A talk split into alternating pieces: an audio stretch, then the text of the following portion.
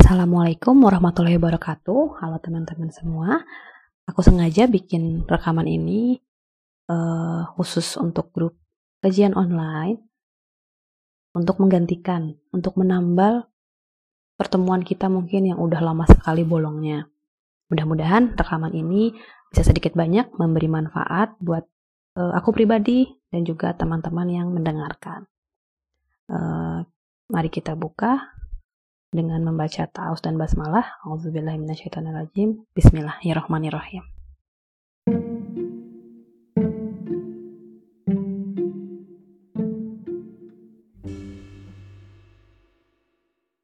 Untuk rekaman yang pertama ini, mungkin aku akan membahas tema yang umum aja, yang apa ya dekat dengan keseharian kita, uh, yaitu tentang syukur uh, aku sempat dengerin kajian Ustadz Salim Abdillah beberapa waktu lalu. Beliau menjelaskan gimana sih caranya kita bersyukur gitu kan. Uh, yang pertama tentu saja kita mengagungkan um, Allah ya gitu. Memuji Allah sang pemberi kenikmatan. Biasanya kan kita kalau dapat sesuatu yang menyenangkan tuh alhamdulillah gitu kan. Nah, itu adalah bentuk pujian buat Allah Alhamdulillah, Masya Allah, Tabarakallah gitu kan. Nah, kita memuji sang pemberi nikmat. Terus kemudian untuk dapat mensyukuri hal yang eh, karunia yang Allah berikan pada kita itu adalah kita menggunakan karunia tersebut sesuai kehendak pemberinya gitu kan. Segala harta, anak, hmm, kenyamanan gitu kan. Itu semua kan kita dapatkan kadang effortless ya gitu dan tapi kadang kita suka lupa untuk bersyukur. Ya, hanya sekadar mengucap di kata, di bibir saja, Alhamdulillah. Tapi kemudian kita tidak menggunakan karunia-karunia tersebut uh, sesuai dengan kehendaknya Allah mungkin gitu. Ya misalnya uh, anak, kita bersyukur kita memiliki anak, tapi kemudian ya kita hmm, apa ya membesarkannya dengan asal-asalan gitu ya naudzubillah min zalik. Ya dimarahin lah ya karena mungkin kita memang apa kurang ilmu misalnya. Ya dicubit lah ya dibentak lah eh, dan kemudian berdampak pada ketika dia dewasa mungkin terdapat masalah-masalah eh, apa ya dari secara uh, psikologisnya kemudian berujung memiliki inner child yang buruk dan lain sebagainya. Seperti itu. Padahal kan uh, walau alam ya. Mungkin kalau anggapan aku pribadi misalnya cara aku bersyukur dengan anak gimana? Ya kita belajar dengan sungguh-sungguh bagaimana sih menjadi orang tua yang baik yang bisa mendidik anak untuk menjadi anak yang solehah dan bisa masuk surga gitu kan. Caranya gimana? Ya kita juga harus soleh dulu gitu. Ya walau alam sih. Ya mungkin seperti itu contohnya. Nah terus kemudian kalau kita bisa membuka di surat 76 ayat 2 sampai 3. Surat 76 ayat 2 sampai 3 aku bacain. Sesungguhnya kami telah menciptakan manusia dari setetes mani yang bercampur yang kami hendak mengujinya dengan perintah dan larangan. Karena itu kami jadikan dia mendengar dan melihat. Sesungguhnya kami telah menunjukinya jalan yang lurus. Ada yang bersyukur dan ada pula yang kafir gitu. Berarti kan hmm, kalau di sini aku eh, sepemahaman aku di sini tuh Allah menciptakan kita tujuannya apa tadi? Untuk diuji gitu kan. Jadi tentu saja karena tujuan kita dihadirkan di dunia ini untuk diuji, tentu saja kita hidup nggak akan mungkin nggak ada ujiannya gitu. Jadi ya kita harus sadar dulu itu bahwa segala kenikmatan, segala kesulitan itu adalah bentuk ujian. Nah, tapi sebenarnya Allah baik banget sama kita karena di balik uh, apa ya tas yang Allah udah hmm, tempelkan sama kita ini, Allah memberikan toolsnya juga, yaitu tadi uh, kami jadikan dia mendengar dan melihat gitu kan. Uh, jadi toolsnya itu adalah pendengaran dan penglihatan kita adalah uh, alat yang bisa kita gunakan untuk menjalani ujian tersebut. Terus Allah juga di sini sudah menunjuki kita jalan yang lurus gitu. Jadi toolsnya tuh banyak, selain pendengaran, selain penglihatan, Allah juga memberikan kita semacam peta gitu ya. Ada GPS-nya. Ini jalan yang lurus tuh yang begini. Dari mana sih kita tahu? Dari Al-Quran tentunya, sama uh, sunnah-sunnahnya Rasulullah di hadis. Terus, tapi kemudian ketika Allah sudah membekali kita um, tools-tools tersebut, tentu tidak semua orang mau menggunakannya. Jadi terpecahlah menjadi dua golongan. Ada yang bersyukur dan ada pula yang kafir gitu. Jadi ketika kita mau untuk menggunakan tools tersebut dengan tepat, dengan baik, dengan bersungguh-sungguh, mudah-mudahan kita masuk ke dalam orang golongan yang bersyukur dan bukan termasuk golongan orang-orang yang kafir gitu. Uh, jadi goalnya Allah itu menciptakan kita tugasnya untuk diuji. Tapi kemudian goalnya Allah pengen kita menjadi manusia yang bersyukur. Kalau misalnya di surat yang lain, kita bisa buka di An-Nahl 78, surat 16 ayat 78 dan Allah mengeluarkan kamu dari perut ibumu dalam keadaan tidak mengetahui sesuatu pun. Dan dia memberi kamu pendengaran, penglihatan, dan hati. Agar kamu bersyukur. Hmm. Kalau di ayat ini aku memaknainya, kan awalnya kita lahir nggak tahu ya harus apa. Dulu waktu masih kecil mungkin fitrah kita tuh sangat-sangat baik ya gitu, masih terjaga gitu kan tapi kemudian ya mungkin pola pengasuhan, pola pendidikan orang tua kita lah yang bisa jadi meredupkan fitrah-fitrah baik kita gitu. Yang Allah sebenarnya sudah install sama diri kita masing-masing gitu kan. Ya lagi-lagi mungkin karena keterbatasan ilmu eh, dan lain sebagainya. Jadi kan kita hidup tuh sebenarnya nggak tahu mau apa ya ini tuh harus gimana gitu kan. Eh, Terus kemudian di sini Allah sudah memberikan lagi uh, alat untuk kita bisa menjalani hidup itu, yaitu Allah sudah membekali kita dengan pendengaran, penglihatan, dan hati agar kamu bersyukur. Lagi-lagi, goalnya adalah agar kita mau bersyukur, kita bersyukur pada uh, apa yang telah Allah berikan pada kita. Caranya gimana ya tadi? Dengan menggunakan pendengaran, penglihatan, dan hati. Nah, di ayat selanjutnya dijelaskan lebih detail penggunaan pendengaran, penglihatan, dan hati itu seperti apa. Di surat 7 ayat 179 surat 7 itu Al-Araf bukan ya? Aku lupa, mohon maaf. Di aku bacain lagi. Dan sesungguhnya kami jadikan untuk isi neraka jahanam kebanyakan dari jin dan manusia. Mereka mempunyai hati, tetapi tidak dipergunakannya untuk memahami ayat-ayat Allah. Dan mereka mempunyai mata, tetapi tidak dipergunakannya untuk melihat tanda-tanda kekuasaan Allah. Dan mereka mempunyai telinga, tetapi tidak dipergunakannya untuk mendengar ayat-ayat Allah. Mereka itu sebagai binatang ternak, bahkan mereka lebih sesat lagi. Mereka itulah orang-orang yang lalai. Nah, jadi di sini dijelasin uh, gimana sih caranya pakai hati itu. Ternyata hati ini harusnya kita pakai untuk memahami ayat-ayat Allah. Terus gimana sih caranya kita menggunakan penglihatan kita yaitu untuk melihat tanda-tanda kekuasaan Allah. Terus caranya pakai telinga dipergunakan untuk mendengarkan ayat-ayat Allah gitu.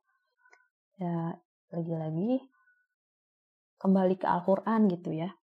Bagaimana sih cara kita bisa menjalani hidup ini dengan baik? Yaitu tadi, sebenarnya Allah tuh sudah memberikan kita buku panduan ya. Kalau handphone itu kita baru beli kan, anggapnya kita nggak pernah megang handphone sama sekali, Terus bagaimana sih cara mengoperasikan handphone ini biar nggak rusak gitu ya? E, ntar belum belum dipakai udah jebol gitu kan ya mungkin si baterainya gara-gara mungkin kita nggak paham cara bagaimana ngecas yang benarnya untuk pemakaian awal misalnya.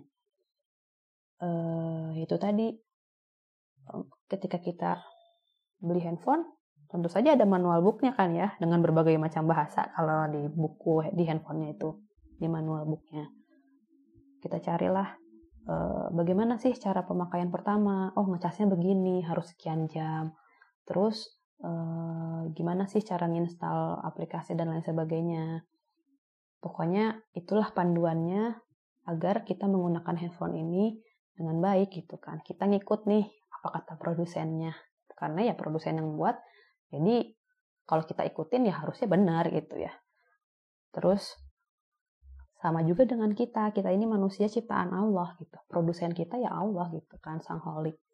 Jadi kalau kita mau hidup dengan benar gitu ya, nggak cepet bocor baterainya gitu kan nggak cepet rusak gitu awet gitu kan ya awet baiknya yaitu tentu saja kita harus ngikutin manual booknya yang Allah sudah uh, turunkan gitu kan lewat uh, Rasulullah gitu kan yaitu ayat suci Al-Quran ini gitu kita pakailah hati kita ini untuk memahami gitu uh, mungkin apa ya uh, kita kadang ya masa sih kehidupan kita ini benar-benar bisa kita uh, cari jawabannya lewat Al-Quran. Aku sih percaya bahwa itu bisa.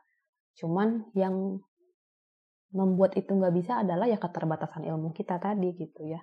Karena kita belum belajar apa ya, belum banyak punya ilmunya, ya pemahaman kita ya cuma sampai segitu gitu kan ya.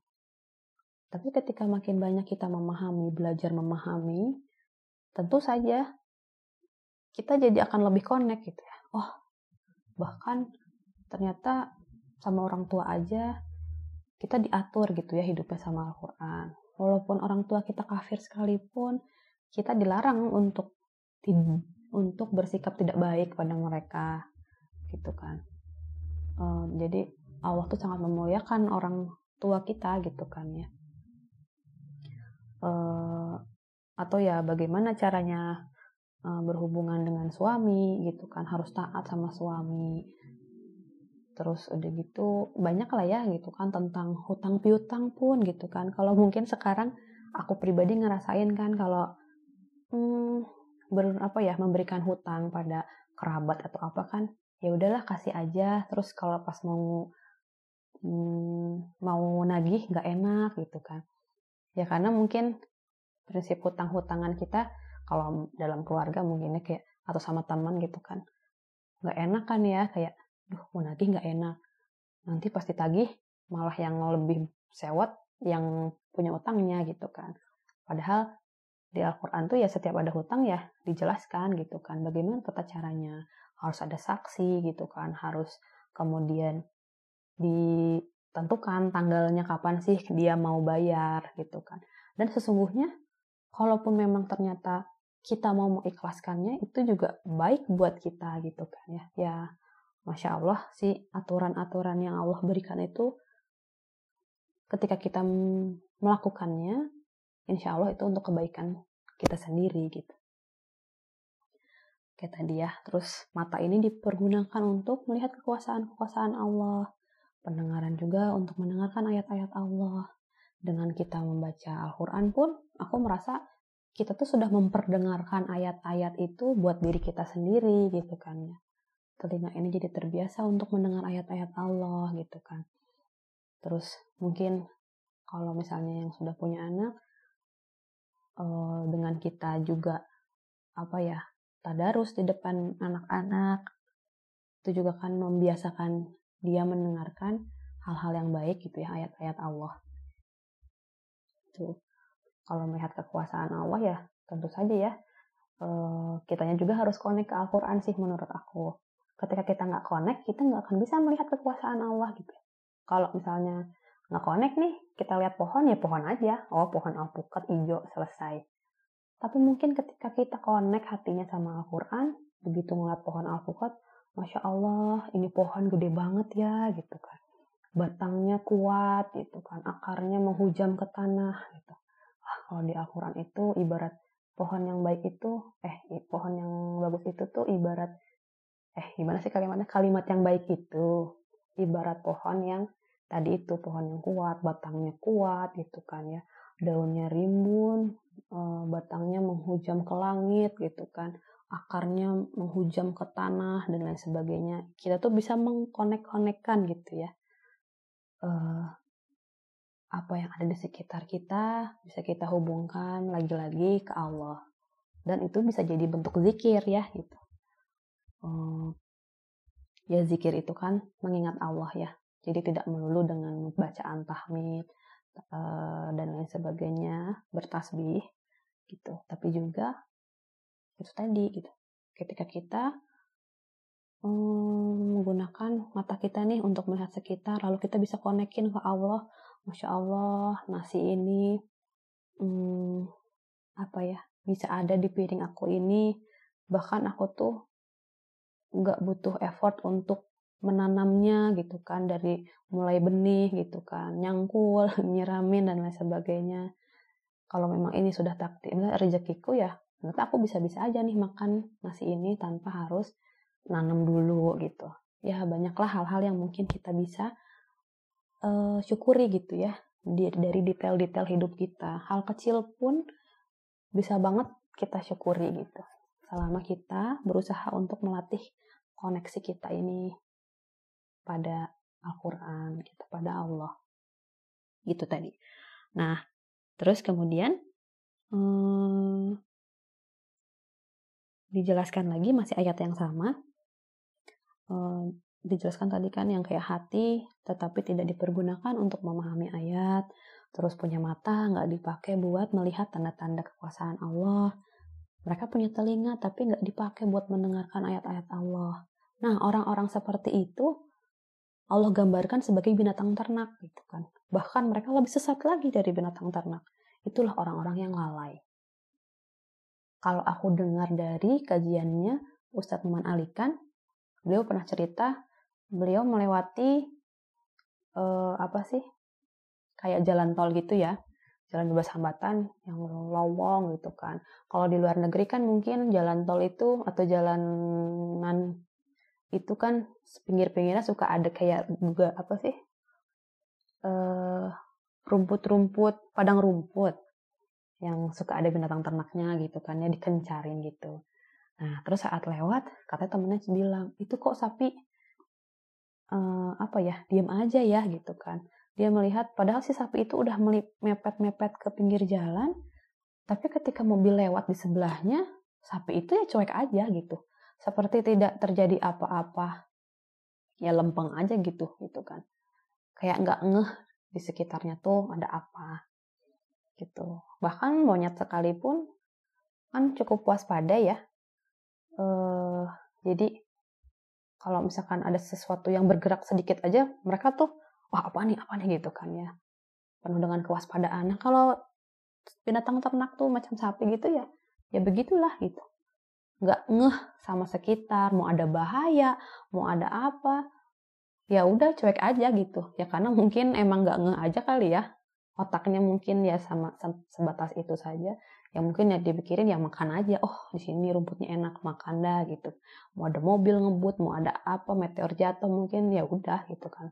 Selama nggak kena dia tuh kayaknya ya udah aja gitu. Nah itulah gambaran orang-orang lalai yang tidak menggunakan mata pendengaran dan hatinya ya seperti itu gitu. Mau ada bahaya mau ada apa. Bahkan si sapi itu ya mungkin nggak bisa melihat hmm, nggak bisa lihat keindahan pemandangan di sekitarnya gitu ya.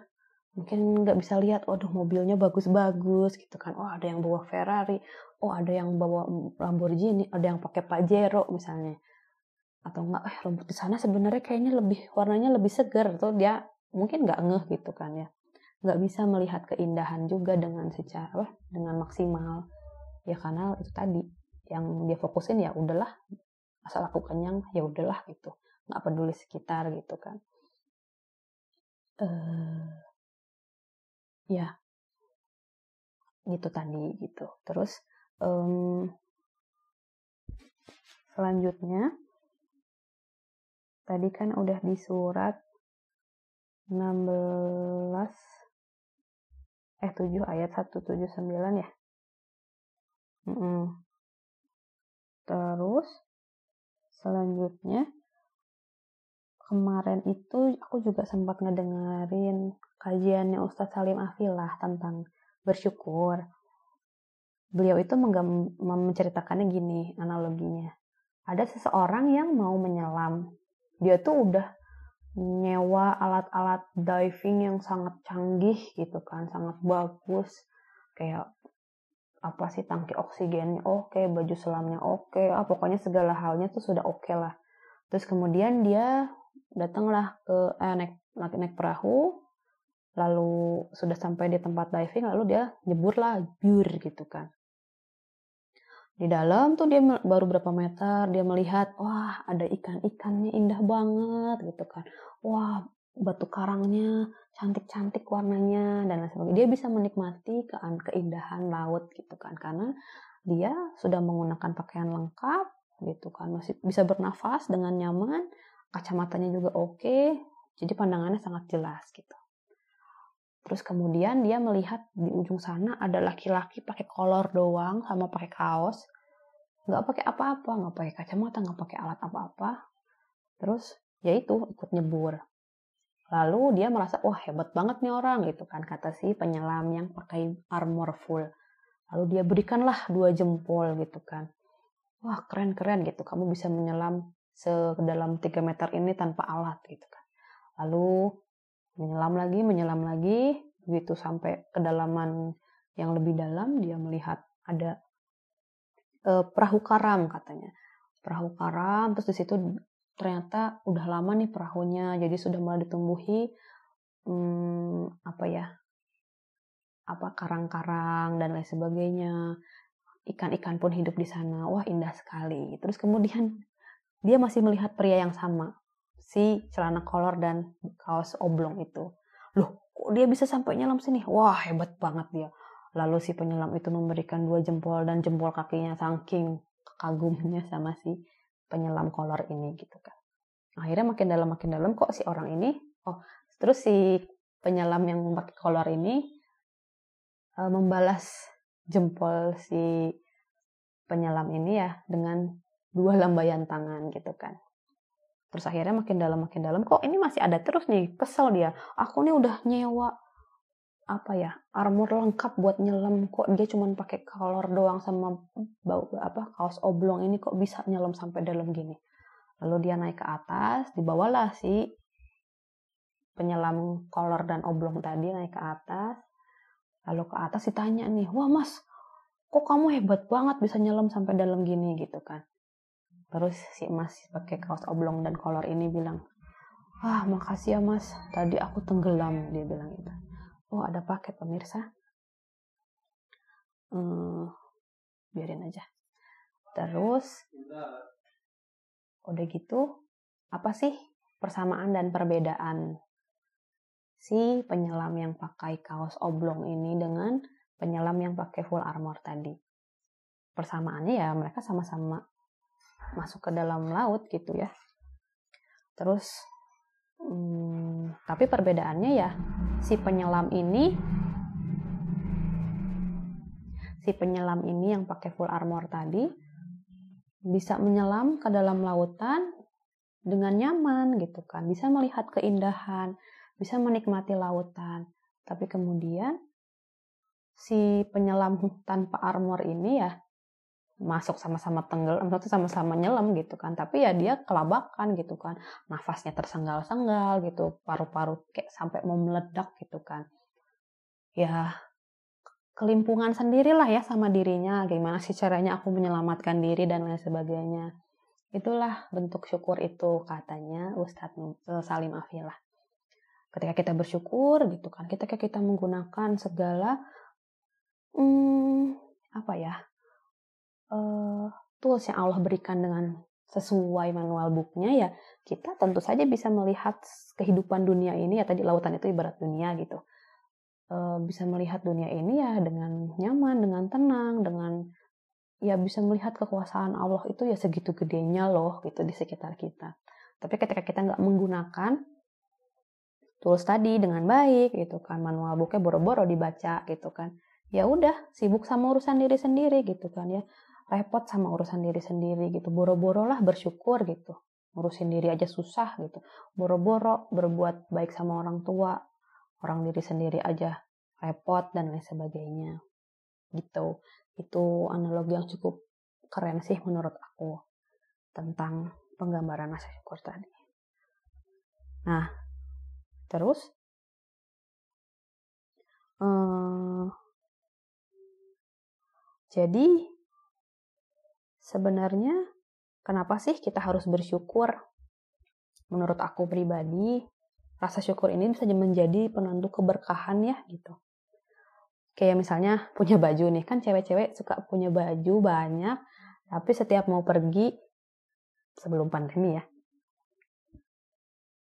setiap mau pergi aduh aku nggak punya baju gitu kan ya.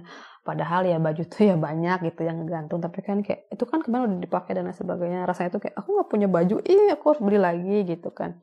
Rasanya tuh kurang terus gitu. Tapi coba bayangkan mungkin di apa ya saat kita di jalan gitu kan. Aku tuh suka ngeliat gitu ya tunawis kelihatannya tunawis mah ya aku nggak tahu dia punya rumah apa enggak kayak bawa gerobak gitu kan sekeluarga lagi. Suami istri anaknya tiga masih kecil-kecil gitu kan ya. Bajunya mungkin ya agak-agak kumal gitu kan ya. Ya kalau kita kan pergi keluar ya nggak mungkin ya kita pakai baju kumal. Pasti kita nyari baju yang bersih gitu kan yang modis kayak gitu kan. Ya eh, misalkan keluarga ini yang aku pikir yang mungkin tunawisma ini ya pakai baju kan ya bapaknya mungkin pakai kaos partai bahkan mungkin adik anak yang paling kecil lah pakai kaos bekas kakaknya yang udah kucel. Ya aku sih berpikir mungkin dengan pakai kaos itu saja ya alhamdulillah ya daripada nggak pakai baju sama sekali di jalan kedinginan dan lain sebagainya. Tapi ya walau alam ya. Jadi kan hmm, apa ya mereka dapat baju segitu aja ya pasti udah lebih bersyukur daripada enggak gitu. Sedangkan kita mungkin orang-orang yang punya kemampuan buat beli baju banyak tuh masih aja berasa kurang. Apa jangan-jangan di situ kita nggak pun kita nggak dapat keberkahannya gitu. Atau mungkin lagi-lagi kacamata syukur kita mungkin belum kita pertajam gitu ya. Jadi yang sedikit itu bisa jadi terasa sangat luar biasa eh, banyaknya gitu. Ketika kita bersyukur gitu itulah keberkahan. Tapi ketika kita punya banyak tapi kok rasanya kurang terus Jangan-jangan di situ kita tidak memiliki keberkahan akan sesuatu, awal alam. Terus uh, kalau misalkan di ayat uh, apa surat Ibrahim ya? Surat Ibrahim ayat ayat 7. Dan ingatlah juga tatkala rohmu memaklumkan, sesungguhnya jika kamu bersyukur, pasti kami akan menambah nikmat kepadamu dan jika kamu mengingkari nikmatku, maka sesungguhnya azabku sangat pedih. Nah, jadi kalau misalkan, kenapa sih kita harus bersyukur? Ya karena kalau kita nggak bersyukur, azab Allah menanti, guys, gitu. Uh, di sini kan, kalau nggak salah nih, aku dengar dari kajiannya Ustadz Muhammad Yahya gitu. Ah, nggak deng, Ustadz Salim Afilah beliau cerita bahwa bahkan di ayat ini tuh hmm, tingkatan kalimatnya tentang bersyukur dan azabnya itu tuh tidak setingkat. Maksudnya gini, kan kalau di sini kan sesungguhnya jika bersyukur Allah akan menambahkan nikmat gitu kan. Tapi jika kamu mengingkari, harusnya kalau misalkan kalimatnya setingkat itu, kalimatnya mungkin berbentuk jika kamu mengingkari, az, eh, pasti kamu kena azab gitu. Jadi kalau kamu bersyukur, pasti kami akan menambah nikmat. Jika kamu mengingkari, pasti aku akan beri azab yang pedih. Gitu kan setingkat ya. Nah, di sini tuh Allah eh, membedakan tingkat eh, kalimatnya gitu, pola kalimatnya. Ketika kita bersyukur, pasti kami akan menambahkan. Tapi jika kamu mengingkari, maka sesungguhnya azabku sangat pedih. Jadi kayak dimention azab aku pedih, tapi ya itu belum pasti loh gitu kan. Tapi selama kamu mau bersyukur, azab itu tidak akan menghampiri kamu gitu. Jadi di sini tuh Allah kayak membuka peluang lagi untuk kita bertobat sebenarnya. Jadi Allah tuh selalu mendahulukan rahmatnya dibanding azabnya. Jadi ya sungguh luar biasa baiknya ya Allah bersama kita sebenarnya. Ya, eh, gitu barangkali yang bisa aku sampaikan gitu kan. Kalau dari apa sih uh, Ustadz Muhammad Yahya ya, aku sempat dengar kajiannya. Hati manusia itu seperti bawang dia bilang gitu, berlapis-lapis sebenarnya. Tapi mohon maaf aku tuh nggak hafal apa sih namanya istilah-istilahnya. Cuman beliau menggambarkan tuh ya kita tuh hatinya seperti kulit bawang gitu kan. Ada lapisan luarnya, ada lapisan tengahnya, ada lapisan dalamnya gitu. Jadi berlapis-lapis ya hati kita ini. Nah, sebenarnya kan setan itu meminta izin sama Allah ya untuk mengganggu kita ya sampai hari kiamat kelak. Dan Allah izinkan. Tapi tahu nggak sih, ternyata Allah tuh hanya mengizinkan setan itu mengganggu kita cuman sebatas lapisan luar hati kita aja gitu, kulit bawangnya aja tipis banget. Sebenarnya cuma sampai situ aja Allah mengizinkannya. Dan hati kita yang di tengah dan di dalam ini sebenarnya tidak Allah izinkan untuk diganggu gugat sama siapa pun gitu. Jadi ya fitrahnya bagian dalam hati kita tuh sebenarnya tertuju pada Allah gitu. Kita tuh pengen kembali pada Allah. Gitu. Sebenarnya ada potensi kepada Allah dalam hati kita tuh ada di dalamnya. Tapi kemudian kenapa sih setan ini padahal cuma nempel di kulit luarnya, tapi kok bisa sampai mensabotase diri kita ya, bisa sampai kalau marah sampai marah banget gitu kan ya, sampai kalau mungkin orang jahat tuh bisa sampai jahat banget gitu ya. Ya karena kita mengizinkan gitu. Kita mengizinkan setan tersebut mengendalikan kita. Kalau misalkan ini mah jadi agak di luar konteks. Kalau misalkan pembahasannya Ustadz Muhammad ya yaitu bilang ya karena setan tuh menakut-nakuti kita dengan kekafiran, ke kefakiran maksudnya, ke kefakiran gitu.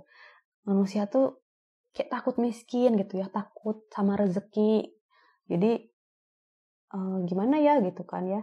Uh, padahal Allah tuh kan di ayat-ayat lain tuh banyak menjelaskan ya rezeki Allah teh ya nggak akan ke mana gitu. Kalau misalkan kamu sudah ditetapkan rezekinya sekian kamu nggak akan pernah mati sampai rezeki itu Allah tunaikan habis kepada diri kita gitu kan ya. Jadi rezeki itu sudah dijamin sebenarnya sama Allah. Tapi kemudian setan tuh hanya membisiki kita ketakutan akan kefakiran itu gitu ya. Aduh nanti gimana? Kalau misalkan gak bisa beli rumah kan harus jadi harus KPR kan nggak bisa dong pakai cash gitu kan. Jadi riba. Aduh gimana ya? Tapi kan anak ini butuh minum susu juga gitu kan. Aku tuh jadi harus muter otak gimana caranya buat nambah-nambah penghasilan gitu kan. Jadi melalaikan tugas utamanya. Jadi suka marah-marah ke anak karena pusing gitu kan harus ngerjain kerjaan. Ya jadi di situ prioritasnya jadi agak mabur-mabur ya gitu. Uh, nauzubillahimin aku juga beristighfar sama Allah atas segala apa ya kehilafanku gitu kan ya. Mudah-mudahan uh, kita selalu ingat untuk bisa bersyukur kepada apa pun yang telah Allah berikan pada kita dan kita gunakan dan cara kita bersyukur ya kita gunakan dengan maksimal karunia yang Allah berikan ini sesuai dengan cara yang Allah ridhoi. Mudah-mudahan. Gitu ya. Jadi gitu aja yang bisa aku sampaikan di rekaman ini mohon maaf kalau agak kepanjangan eh, kebenaran sesungguhnya datangnya dari Allah kesalahan itu datangnya dari saya pribadi. Saya beristighfar kepada Allah astagfirullahalazim astagfirullahalazim astagfirullahalazim uh, saya tutup dengan doa akhir majelis. Subhanakallahumma wa bihamdika asyhadu an la ilaha illa anta astaghfiruka wa atubu dan hamdah. Alhamdulillahirabbil alamin. Wassalamualaikum warahmatullahi wabarakatuh. Terima kasih teman-teman